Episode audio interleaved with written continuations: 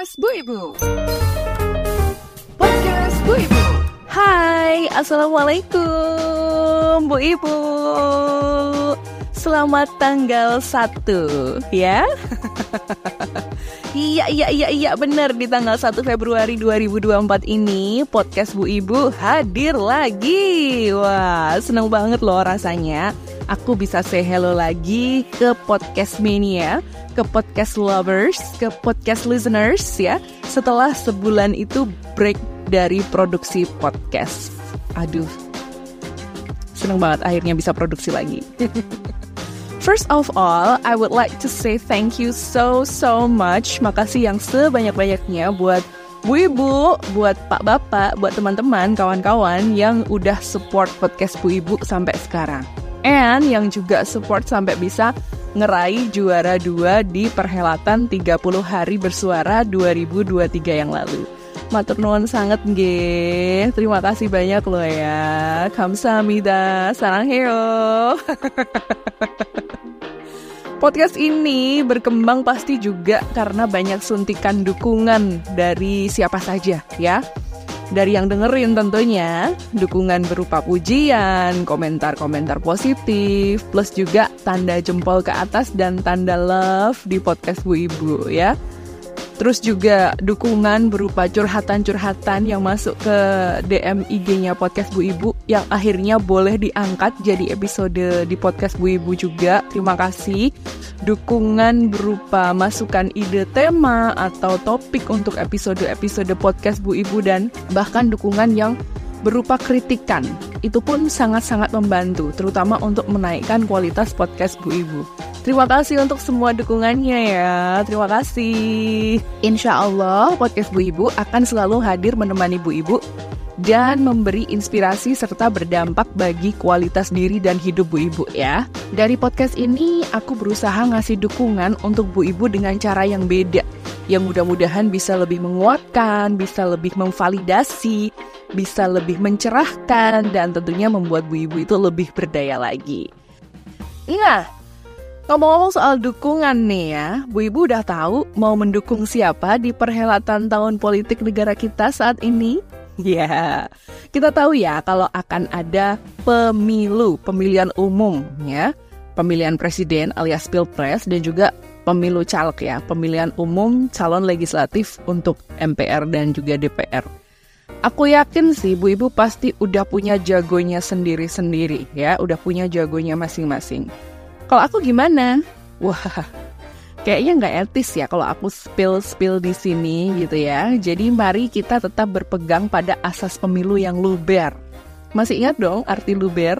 Langsung umum bebas rahasia. Jadi rahasiakan pilihanmu sampai waktunya pemungutan suara tiba ya. Biarkan aja orang-orang yang memang udah menyandang gelar tim pemenangan pemilu itu yang terang-terangan menunjukkan gerakan dukungannya. Nah, Sedikit membahas soal pemilu nih, di episode podcast kali ini aku mau ngajakin Bu Ibu untuk nge-review salah satu drama Korea yang erat banget kisahnya dengan pemilu. Ini drakor menarik banget ya, menarik sekali. Karena juga melibatkan perempuan-perempuan. Wah, perempuan yang sangat berdaya. Apa ya kira-kira? Mungkin ada yang pernah nonton, tapi mungkin hanya sekilas. Buat Bu Ibu yang belum nonton, Nanti coba dicari ya, nanti coba dicari. Judulnya adalah Queen Maker. Queen Maker, ya.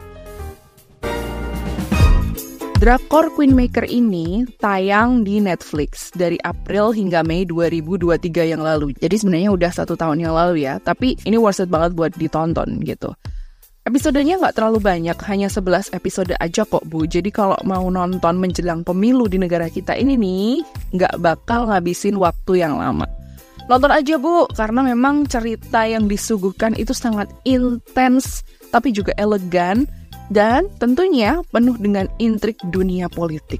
Biar Bu Ibu juga nggak buta-buta amat gitu loh sama politik, ya nggak? Bu Ibu, Queen Maker ini dibintangi oleh aktris Kim Hee A yang sebelumnya sukses dalam serial The World of the Married ya. Ibu pasti tahu dong, itu tuh drama makjang perselingkuhan yang booming banget di Indonesia beberapa tahun lalu.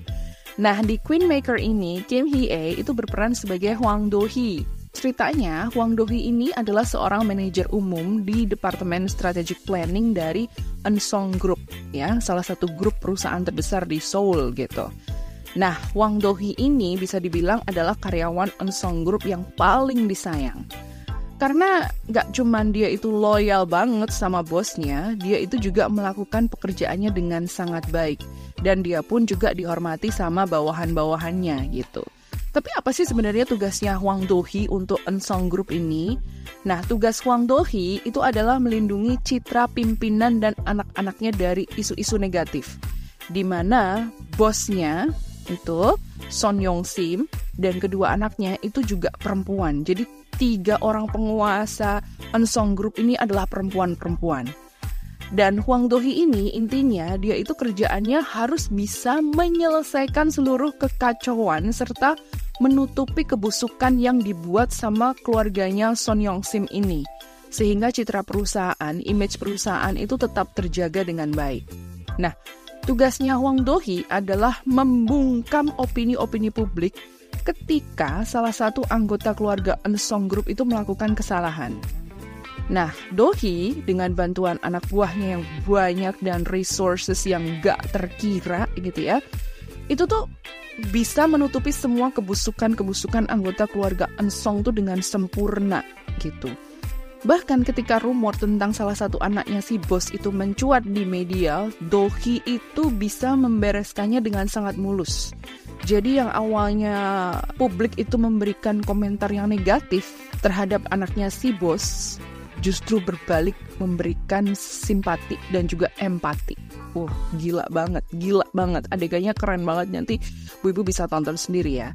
Nah, pada saat dia sedang membereskan masalah anaknya si bos ini, di saat yang bersamaan, perusahaan Ensong ini juga menghadapi tekanan dari karyawan-karyawannya yang mengalami PHK sepihak gitu ya, mengalami pemberhentian kontrak pegawai sepihak gitu loh. Jadi banyak yang di PHK secara tiba-tiba gitu.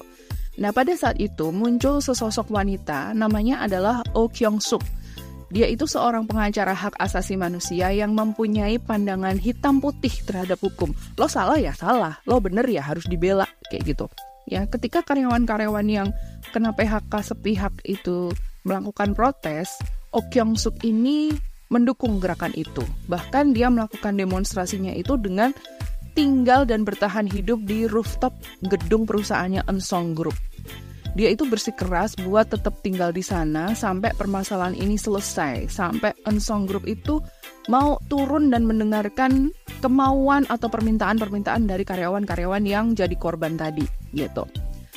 Nah, Wang Dohi yang merupakan uh, manager strategic planning dari Ensong Group itu tentunya nggak lepas dari tugas untuk menyingkirkan Oh Suk itu sampai satu peristiwa pun terjadi. Dalam upaya dia menurunkan Oh Kyung Suk dari atas gedung Ensong Group, Dohi ini nggak sengaja mendorongnya jatuh. Mendorong si Oh Kyung Suk itu jatuh. Tapi untungnya di bawah sih udah ada tersedia trampolin gitu ya. Jadi Oh Kyung Suk ini tetap hidup dan tidak mengalami cedera parah gitu. Tapi urusan itu tuh belum selesai. Dengan jatuhnya si Kyung Suk dari rooftop itu permasalahan itu nggak selesai gitu aja gitu. Kyung Suk tetap menggelorakan semangat protes terhadap Ensong Group gitu, mencari keadilan untuk para karyawan yang di PHK tadi gitu. Dan ketika Dohi masih mengurusi urusannya dengan Kyung Suk, dia ternyata juga harus berurusan dengan Baek Jae-min. Baek ini menantunya Son Yong Sim. Nah, Semuanya itu berubah ketika salah satu stafnya Huang Dohi yang namanya Han Isel itu mengaku dilecehkan oleh Baek Jaemin. Ya, Huang Dohi agak-agak bingung ya. Sebagai pelindung Ensong Group istilahnya, ketika di cross check ke Baek Jaemin, Huang Dohi percaya aja dengan cerita versi Baek Jaemin karena memang citranya atau image-nya Baek Jaemin di luaran itu oke okay banget, keren banget, sopan banget, terpercaya banget gitu loh. Dan akhirnya dia malah mendatangi Han Isel ini, kemudian menuduh kalau Isel itu mengarang cerita bahwa dia diperkosa atau dilecehkan secara seksual sama Baek Jaemin. Lalu Wang Dohi ini malah memecat dia gitu. Sedangkan Baek Jae-min sendiri itu udah mengantongi restu mertuanya untuk mencalonkan diri jadi wali kota Seoul. Sampai akhirnya, kemudian Wang Do-hee ini dikejutkan oleh kematian Isel yang diduga bunuh diri. Dia akhirnya menyelidiki ulang kasus pelecehan seksual tersebut. And it turns out si Jae-min ini berbohong. Yang benar ceritanya itu ternyata adalah ceritanya Han Isel jadi memang Han Isel itu pernah ketemu sama Wang Dohi dan dia benar-benar nyeritain apa adanya. Dan nyesel deh Wang Dohi karena Isel udah keburu mati gitu. Nah sejak kejadian itu mata hatinya Wang Dohi ini jadi terbuka. Dia sampai berusaha selalu mengingatkan keluarga Ensong Group kalau Baek Jamming itu jahat loh.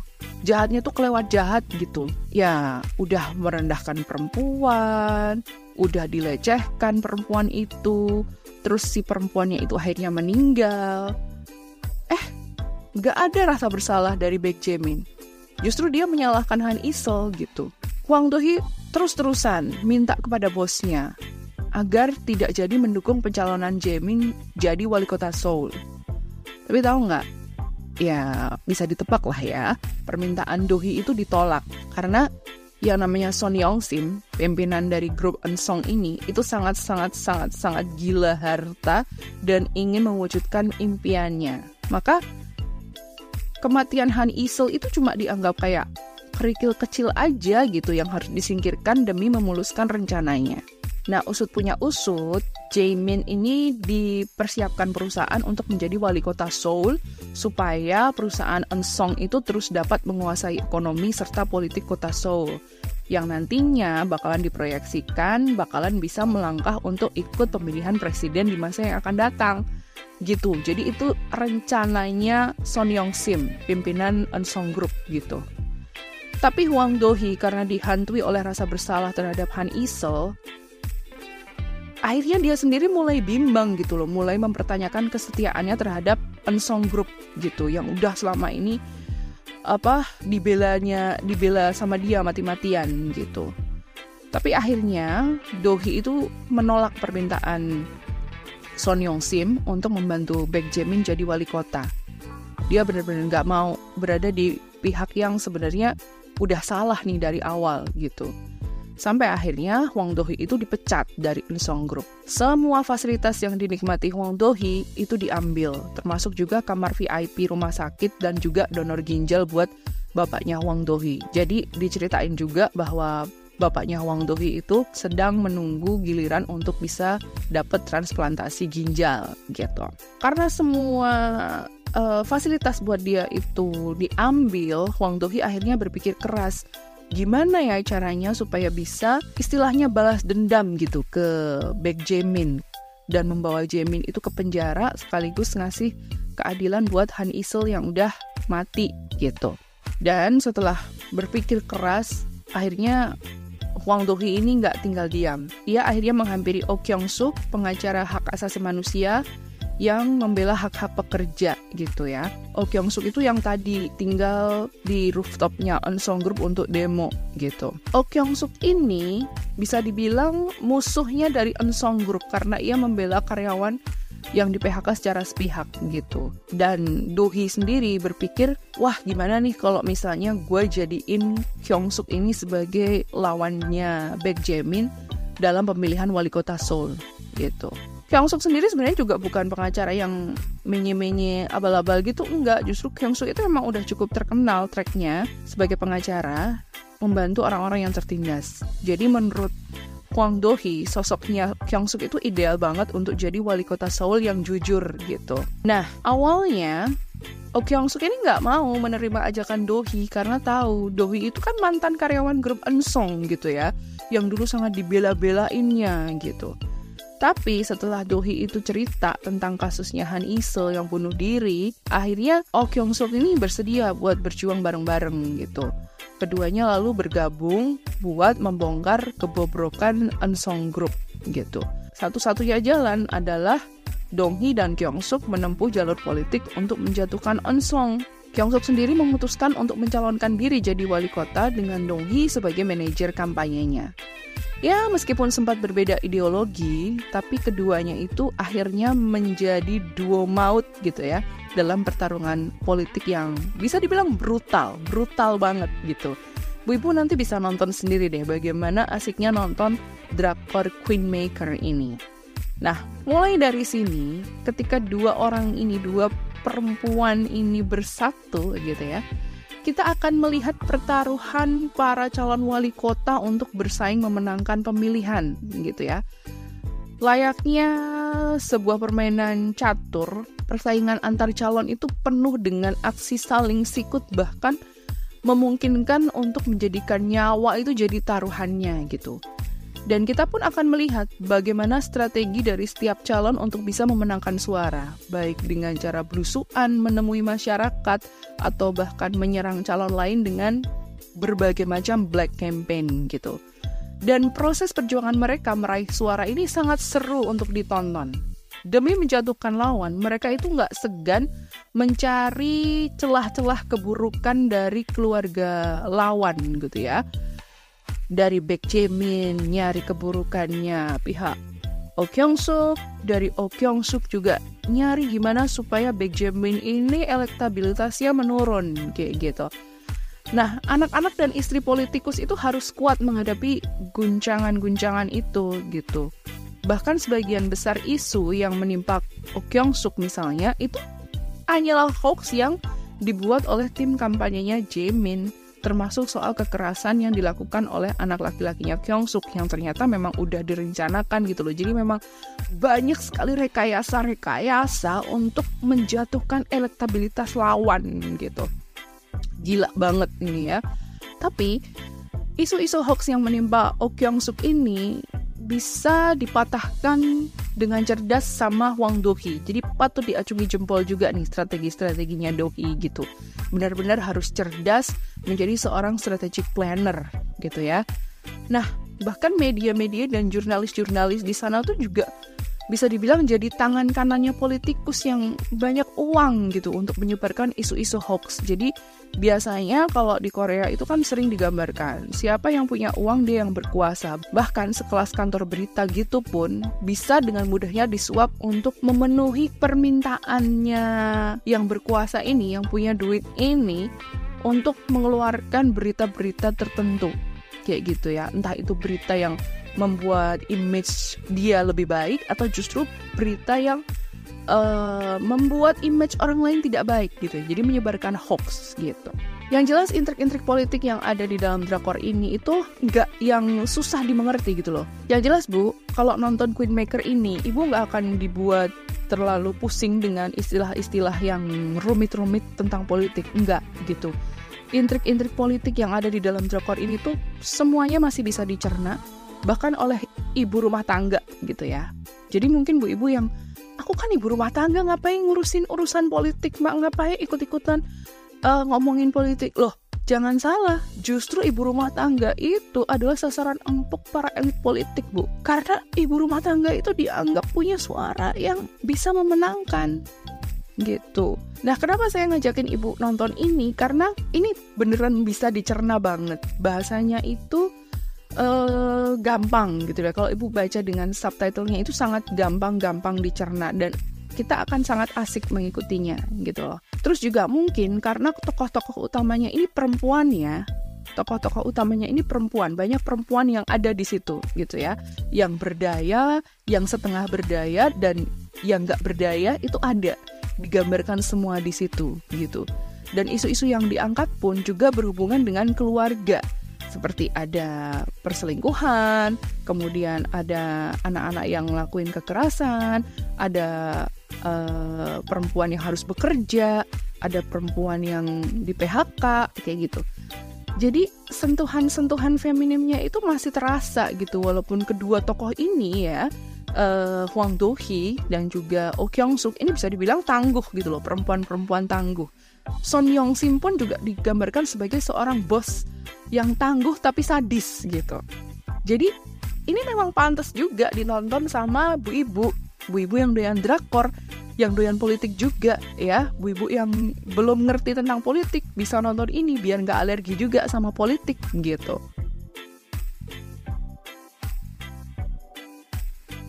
Dan walaupun mengambil latar politik Korea Selatan ya, drakor Queenmaker ini berhasil mengemas cerita yang bisa diterima sama penonton tanpa harus banyak mengetahui latar politik dan hukum Korea Selatan gitu. Jadi maksudnya ibu tuh nggak harus belajar dulu tentang dunia politik dan hukumnya Korea Selatan tuh seperti apa, tapi bisa ngikutin uh, ceritanya ini dengan enak gitu. Bisa dibilang Queenmaker ini jadi gambaran nyata dari betapa kejamnya dunia politik gitu. Uh, tentunya orang-orang terutama pendukung atau kalau di bahasa kita namanya TPN ya, tim pemenangan nasional gitu. Jadi orang-orang yang masuk ke dalam tim itu itu ternyata bisa melakukan apa saja gitu ya. Hanya supaya orang yang diusung itu menang gitu. Dan aku sendiri ketika setelah nonton ini gitu ya aku tuh jadi berpikir apa iya orang-orang di negara kita juga akan berlaku sesadis itu gitu loh di dunia politik?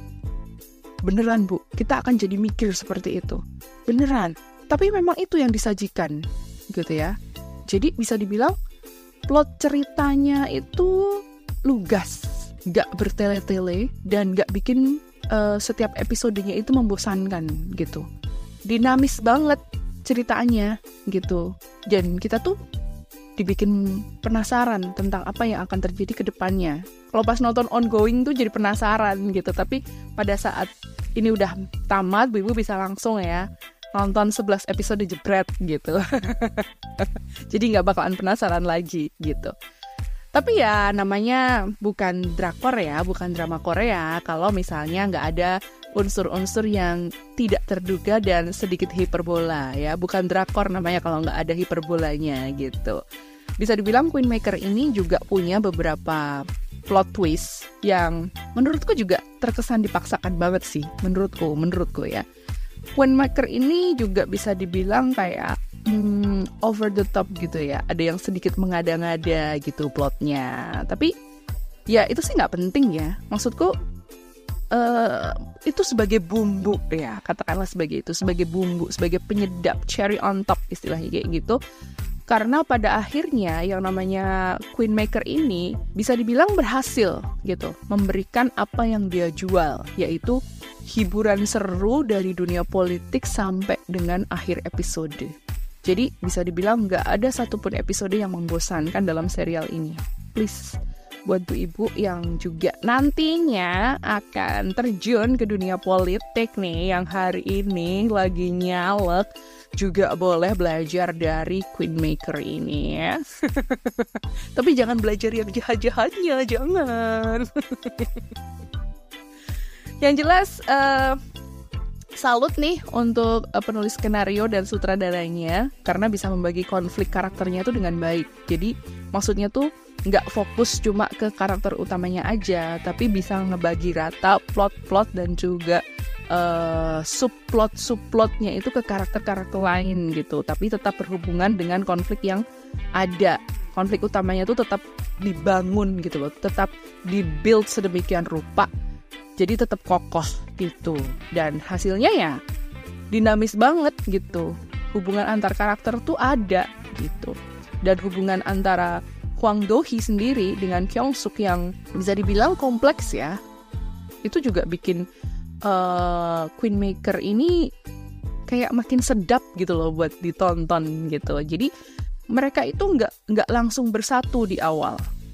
Nggak langsung bersatu di awal. Jadi ada tarik ulur antara Oh Kyung Suk dan Hwang Do Hee ini. Iya nggak, iya nggak?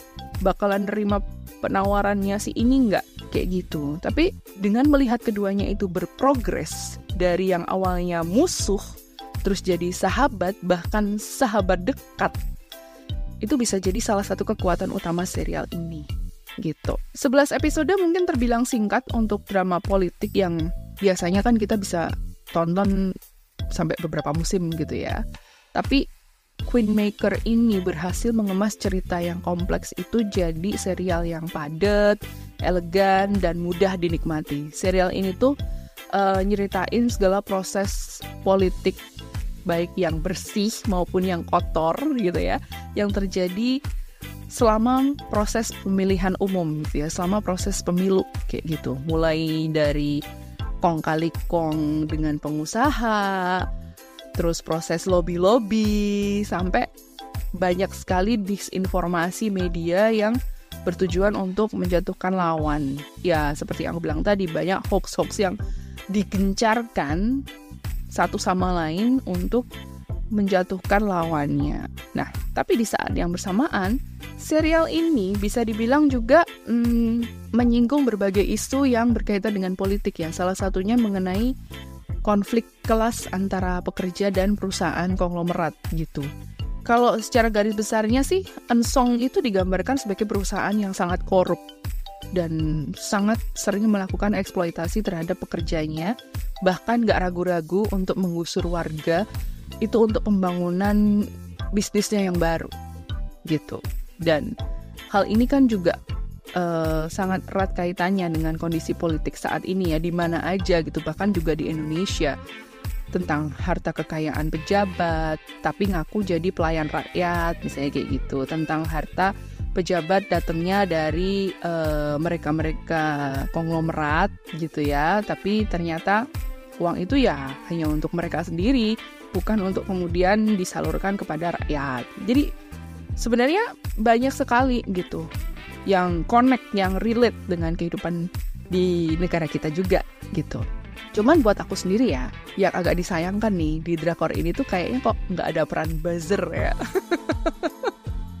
Padahal kan kalau dibilang saat ini buzzer itu lebih dahsyat perannya ya untuk menyebarkan isu-isu hoax gitu dan menaikkan citra positif politikus ya nggak ya nggak tapi aku bukan buzzer loh ya aku bukan buzzer politik loh ya aku cuma mau share aja uh, beberapa quote menarik dari Queen Maker ini aja ya. Jadi ada beberapa quote yang menarik dari Queen Maker ini dan kalau diinget-inget ya, iya juga ya gitu. Jadi bunyinya tuh seperti ini. Yang lebih menakutkan dari kekerasan adalah terbiasa dengan kekerasan. Dan satu lagi quote-nya, keadilan tanpa kekuasaan tak berguna. Dan kekuasaan tanpa keadilan hanyalah kekerasan. Masuk ya Bu ya, ngeresep ya Bu ya. Oke, mudah-mudahan setelah nonton ini Bu Ibu jadi tahu kejamnya dunia politik itu seperti apa.